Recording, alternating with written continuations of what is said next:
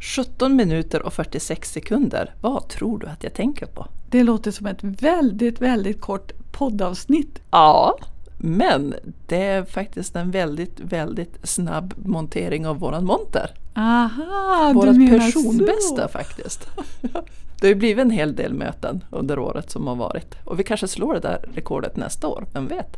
Oj, oj, oj. Vi är ju likadana båda två. Bara fortare och fortare.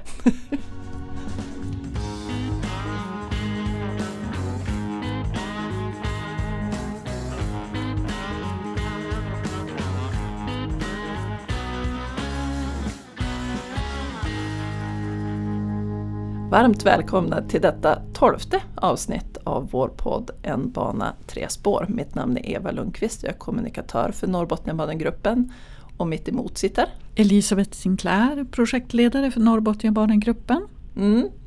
Och I det här avsnittet så tänkte vi göra en lite tillbakablick på året som har varit och även blicka lite framåt vad som, vad som ligger framför oss här närmast. Och 2019 eh, började ju väldigt spännande. Vi hade ju precis fått en ny regering. Ja, vi hade precis avslutat ett eh, möte med Norrbotniabanan AB när det kom en flash där det stod att eh, regeringen hade nu slutit en överenskommelse det så kallade januariavtalet och där fanns Norrbotniabanan med som en egen punkt om att arbetet med planeringen för att bygga banan i sin helhet ska intensifieras. Mm. Det som är så spännande med det, det är att liksom, varför kom det och varför kom det utan att vi liksom ens anade det?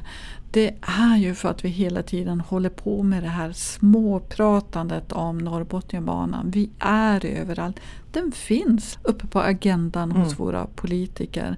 Och det kändes ju som en fantastisk seger för det är ju faktiskt ett erkännande för det arbete vi gör. Att vara ute och prata hos politiker och beslutsfattare och allmänhet. Så Mm. det var riktigt, riktigt roligt. Sen har vi ju under året funderat på ja, men vad som menas med den här intensifieringen.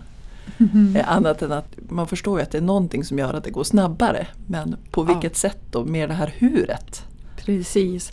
Och nu så har det pågått en, en längre tid och diskussioner mellan Norrbotniabanan AB och regeringens företrädare om vad det här med intensifiering, vad det skulle kunna vara för någonting. Och vi vet ju själva också att det är väldigt, väldigt viktigt att komma vidare genom städerna. Det är ganska komplicerade lösningar. Både genom Piteå och framförallt infarten till Luleå. Mm. Och det behöver man jobba i förtid med för att det ska gå fort sen när vi väl börjar med järnvägsplanerna. Så att vi ser fram emot att se vart det landar, de här diskussionerna. Ja, det skulle vara en trevlig julklapp men det blir nog inte så snart. Mhm. Vem vet, vem vet? Vem vet? Lite senare på under året, i maj närmare bestämt, så eh, vann järnvägsplanen Umeå-Dåva laga kraft. Mm. Och där kan man ju säga, det är ju många som frågar sig, varför tar det så lång tid? Vi behöver ju den här järnvägen nu och det har jag full förståelse för. Men vi har ju demokrati och då har man lagt fast olika processer så att eh, allmänhet, berörda, myndigheter, alla ska ha möjlighet att säga sitt om banans sträckning. Och nu hade vi ett par privatpersoner som eh, yttrade sig då om den här sträckan Umeå-Dåva. Mm. Och då var regeringen tvungen att se över, har Trafikverket tagit hänsyn till de här synpunkterna eller är det någonting som inte är relevant för själva järnvägens dragning? För första spadtaget togs ju redan 23 augusti 2018 av statsministern Stefan Löfven och Trafikverkets GD Lena Eriksson. Ja, Eh, Och så efter det har man som, hade man ju väntat på det där men det var ju de där fa- fast de har haft fullt upp med att bygga servicevägar och Mm. ersättningsvägar och eh, byggvägar. Så jag tror att på de här 12 kilometerna så bygger man ungefär 24 mil väg. Mm. Och en del utav det där kommer ju att plockas bort sen men, men det är otroligt viktigt att komma åt järnvägen i framtiden för drift och underhåll. Och sen så har man nog sanerat det här skjutfältet så att nu till våren så kommer de här järnvägsspecifika arbetena att påbörjas. Ja, ja, det var ju som en liten överraskning att det låg lite ammunition i backen? Mm. Ja, de, de som vill jobba med planering, för dem var det nog ganska klart. Men, Ja. men man förstår ju vilka eh, Alltså ingenting är enkelt Nej. ut- utan eh, plötsligt så ställs man inför olika prövningar som i det här fallet då handlade om oexploderad ammunition. Så att eh, det var väl första gången jag har varit med om det. Ja, du sa lite grann det här um, att det är viktigt att man är och pratar om eh, Norrbotniabanan hela tiden hos beslutsfattare.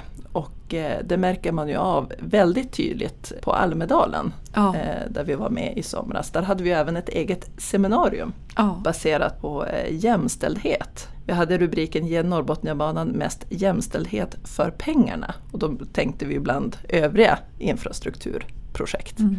Väldigt se- eh, intressant seminarium om jag får säga det själv. Det blir som en ny vinkling i infrastruktursammanhang. Precis, det är ju en väldigt svår fråga att besvara. Mm. Men det vi ser direkt är ju att banan kommer att göra nytta just för eh, jämställdhetssynpunkt i och med att vi binder ihop de här orterna längs kusten där vi idag inte har en enda meter räls. Utan de här samhällena har ju då fått arbeta med de här långa avstånden och där Skellefteå framförallt då blir som en egen arbetsmarknad. Mm. Så det här var eh, jättespännande att få lyssna på vad alla de här parterna sa. Och när du säger Skellefteå, eh, det var ju som ett Skellefteå-bass just i år, just det här med Northvolts etablering. Det var ju i alla möjliga Ja. sammanhang. Ja, vi kan väl inte åka någonstans utan, eller prata om Norrbotniabanan utan att Northvolt nämns. Nej, eh, så är det ju. Och eh, hack i häl nästan med Almedalen så eh, kom ju då Nolia i Mm. Umeå i år. Ja, Där vi hade en monter tillsammans med kommunerna Umeå, Robertsfors och Skellefteå och Trafikverket. Ja och sen hade vi med oss Piteå och Luleå på ett litet hörn där. Ja, precis. Eh, Men de har ju inte kommit vidare i sin planering så det var ju fokus var ju på Mm. sträckan Umeå-Skellefteå. Men det är ju ett sånt intresse för hur arbetet går och alla frågor som kommer. Och, så det är ju fantastiskt att eh, Trafikverket kunde vara med så, Ja. och, och just den här dagen besvara de här frågorna. Och den vanligaste frågan är väl Blir det någon bana ja, eller? blir, och liksom när är ni klar? Ja, Så exakt. att, eh, det är ju fantastiskt vilket positivt stöd vi har ändå. Mm. Men det var ju inte bara besökarna där som har funderingar och frågor kring Norrbotniabanan. Vi har även besökt våra riksdagsledamöter, ledamöter, ledamöter från norr. De har ju också funderingar och frågor för det är ju de som ska hjälpa till att prioritera bland alla infrastrukturprojekt nu. Ja, precis. Och, och vi brukar säga det att vi är ju inte emot några andra järnvägsprojekt för att vi är ju Järnvägen är ju ett system så därför behöver vi ju hålla ihop. Men samtidigt så vill jag verkligen lyfta att längs våran kust som är den mest tätbefolkade regionen efter storstadslänen Stockholm och Malmö. Här har vi inte en enda meter räls som drar ihop de här städerna. Den kommer att behövas otroligt mycket nu i, under många år som i ett inledningsskede för att vi ska komma till rätta med kompetensförsörjningen.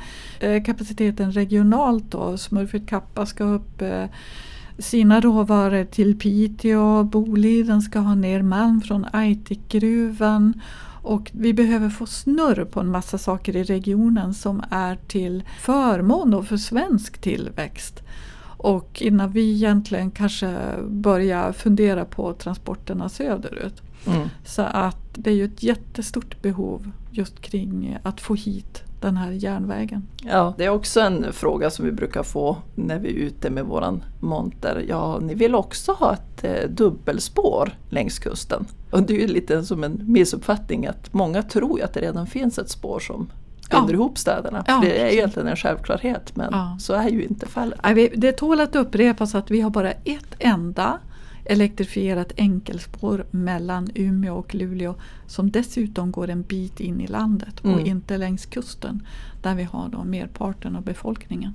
Och det är ju då stambanan genom övre Norrland som byggdes för sådär hundra år sedan. Ja, Ja, precis. Så det, det Men- är dags igen. Men det roliga är ju att eh, vi tillsammans med Norrbotniabanan då får ett funktionellt dubbelspår som gör att vi kan leda om trafiken mellan stambanan genom övre Norrland och Norrbotniabanan i händelse av trafikstörningar.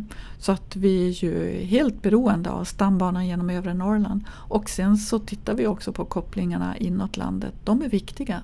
När du säger trafikstörningar så, så börjar min tanke flyga iväg på diskussionerna som har varit gällande Länsstyrelsen. Ja. Att de har haft brist på resurser som, som äventyrar planeringen nu mellan Umeå och Skellefteå. Ja, det har ju varit ett riktigt, riktigt aber under lång tid. Jag tror att Länsstyrelsen flaggade för det här problemet redan för två år sedan. Och det är inte så lätt att Länsstyrelsen, de får inte en påse pengar och så lägger de dem på olika saker som de vill göra. Utan de här pengarna är riktade till olika saker så att man kan inte flytta runt dem där. Och ganska tidigt så såg man, för de har ju förutom då Norrbotniabanan så har man ju gruvorna och så har man Northvolt nu och vindkraft och de skulle liksom inte mäkta med det här arbetet vilket innebar då att Norrbotniabanans ärenden skulle liksom få ställa sig i kö. Och då såg man att det skulle kunna bli en försening på, ja vad sa man, fyra år eller någonting sånt där. Och det är inte okej. Och det man behövde det var då ungefär 4 till 6 miljoner för att eh, anställa fler handläggare. Och det är ju små pengar i sammanhanget Precis. om man relaterar det till det här med dryga miljarden per mil Precis. som Norrbotniabanan kostar. Mm. Och det som har hänt nu då det är ju att regeringen flaggade för här i början av hösten att nu tar man ett helhetsgrepp om den här frågan. För det här är ju inte bara Länsstyrelsen i Västerbotten som eh, står inför de här problemen utan det är ju fler länsstyrelser i landet. Och nu har man gett då i uppdrag till Trafikverket att titta på den här frågan och Trafikverket ska presentera en rapport här till våren hur man ska lösa de här problemen. Mm. Ja, året som har gått nu var ju lite speciellt när jag tänker på poddarna vi har spelat in.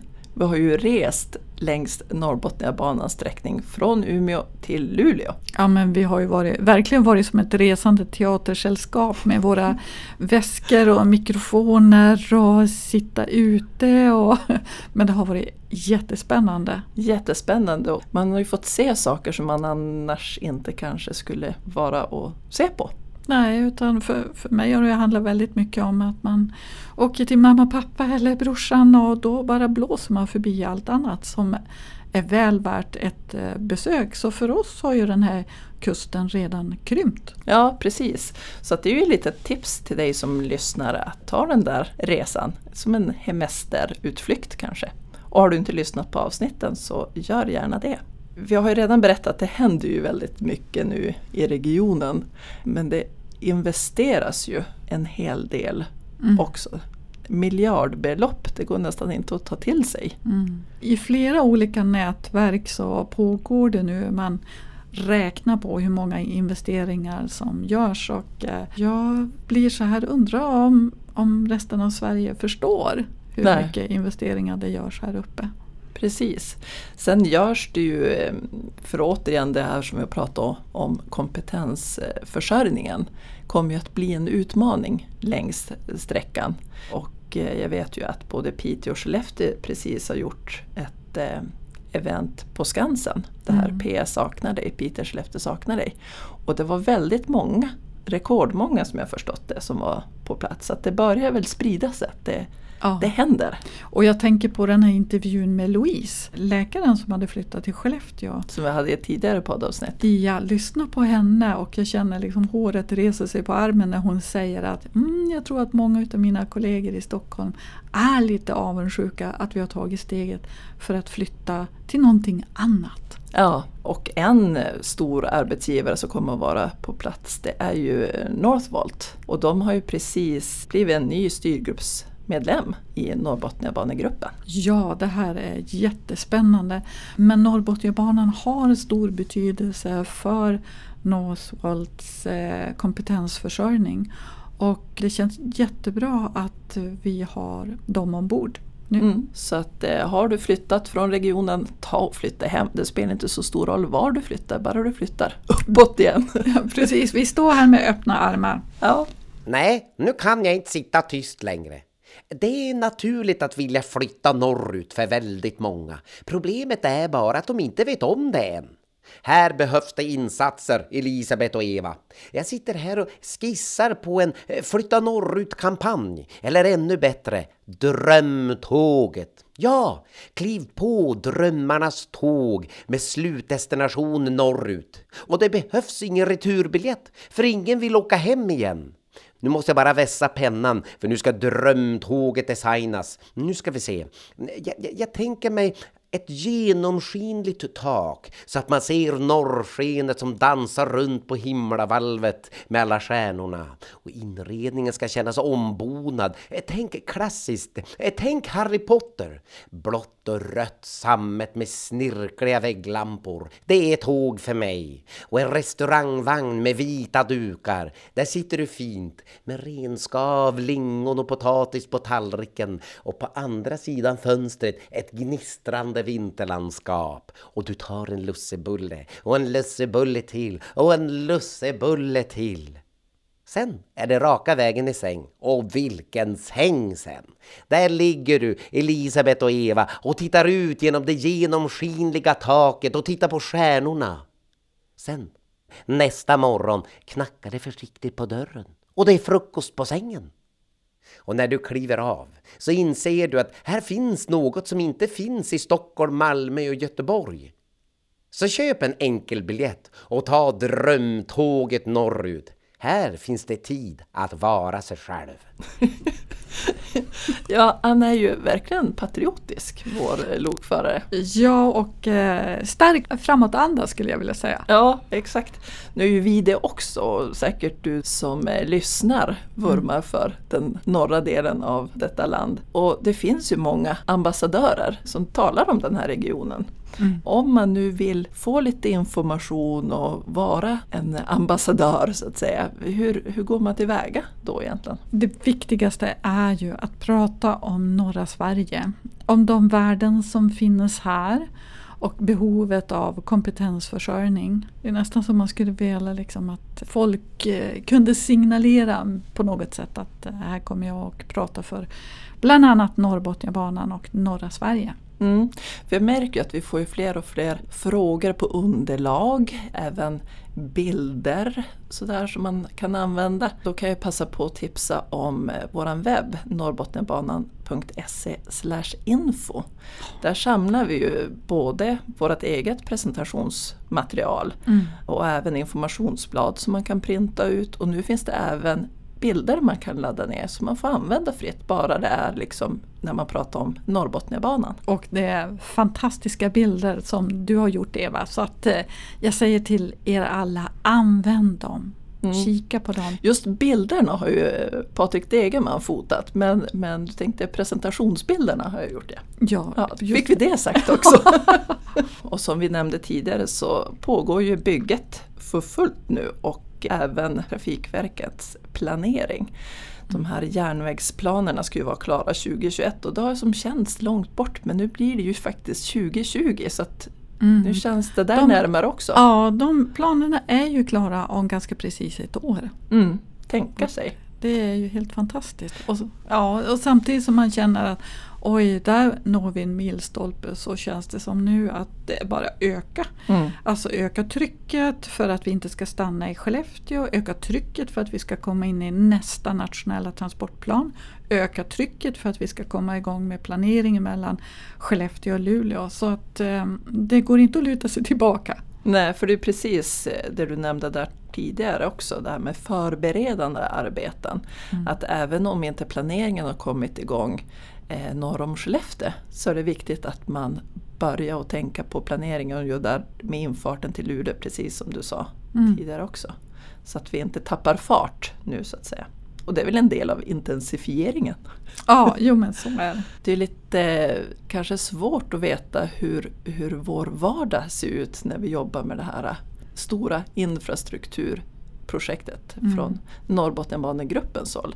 Jag vet ju en dag häromveckan eh, som var lite speciell för dig. Först pep du iväg till eh, Solvik utanför Skellefteå och eh, pratade För jätteintresserade seniorer. ja, om Norrbotniabanan. Precis, och sen tillbaka till eh, kommunhuset och I så, Skellefteå ja. ja, Mm. och så in i taxin och sen raka vägen ner till Bryssel för runda bordsamtal där nere som vi hade anordnat tillsammans med North Sweden. Och eh, det är ju otroligt viktigt de här mötena, att träffas. Ibland kan det kännas som att Åh, men prata och prata, varför händer ingenting? Men man måste så att säga bli överens. Man måste informera vad som händer i regionen. Och under det här rundabordssamtalet så var ju både Finland och Norge med som representanter. Och så var ju Martin Seitler med då som jobbar på kommissionen på DG Move som han jobbar med transporter. Och ofta är det ju så att eh, ja, men de är med och medfinansierar och projekten ligger ganska långt bort från Bryssel och så. Och nu tog jag mig faktiskt friheten att gå ner lite på detaljnivå. Visade en bild från samrådsmöte som Trafikverket hade haft i Skellefteå. Och jag visade lite grann utav de här animationerna om, om sträckningen och eh, sen också göra kopplingar då till till exempel Northvolt och andra investeringar som görs i norra Sverige för att visa vad som händer när man sätter igång sådana här stora infrastrukturprojekt. Och Martin Seidler sa just det att, att det är helt fantastiskt att vad vi kan åstadkomma tillsammans. Ja, det är ju viktigt att de får se, de är ju faktiskt med och medfinansierar planeringen Ja. mellan Umeå och Skellefteå och få se att, att det faktiskt händer och att vi snart är i hamn där Precis. också. Och det tillsammans med det du nämnde tidigare att, att det är så viktigt det här pratet, att det aldrig stannar av. Ja. Just i och med att politiker byts ju ut titt om tätt och det är ju människor som måste informeras om, om läget och sådär. Mm. Och med oss så, eh, med i de här runda bordsamtalen så fanns ju Luleå hamn med Henrik Vuorinen. Så att vi kunde, vi koppla ihop våra projekt. Norrbotniabanan ligger i stomnätskorridoren ScanMed och Luleå hamn är ju faktiskt en egen stomnätshamn samtidigt som den ligger i två stomnätskorridorer. Både den som kommer att gå genom Sverige och den som går genom Finland. Så att oj oj oj, det här är hur viktigt som helst. Mm. Jag kan ju bara passa på även att tipsa, vi har ju ett avsnitt som heter Korridorer hit och korridorer dit. För det är ju inte lätt att hålla koll på allt detta prat om korridorer i järnvägssammanhang. För nu var det ju godskorridoren som du pratade om men sen finns det ju järnvägskorridoren också. Ja, Mellan, ja, nu pratade jag om stomnätskorridorerna. Det är Mm. järnvägen på backen. mm. Men sen när vi pratar om godskorridorerna, det, då finns det en egen organisation för det, de transporter som redan sker inom de här stomnätskorridorerna. Så när vi pratar om Norrbotniabanan och järnväg på backen, då är det stomnätskorridoren. Då är det själva infrastrukturen. Men vi kommer ju till det här att vi ska prata om det infrastrukturseminarium som vi kommer att ordna i Kiruna den 17-18 februari. Och dit har vi jobb, eh, bjudit då företrädare för godskorridoren och eh, många fler som jobbar just över gränsöverskridande Finland-Norge. Hur kan vi med ökat samarbete få en bättre skjuts i det här med godstransporterna inom de här korridorerna. Mm. Vi vurmar ju såklart för Norrbotniabanan men Norrbotniabanan är ju i ett väldigt mycket större sammanhang Ja. som, som järnväg är generellt. Mm. Och det är lite grann som vi har delat upp på vår hemsida norrbotniabanan.se just eh, Norrbotniabanan i ett regionalt, nationellt och europeiskt perspektiv.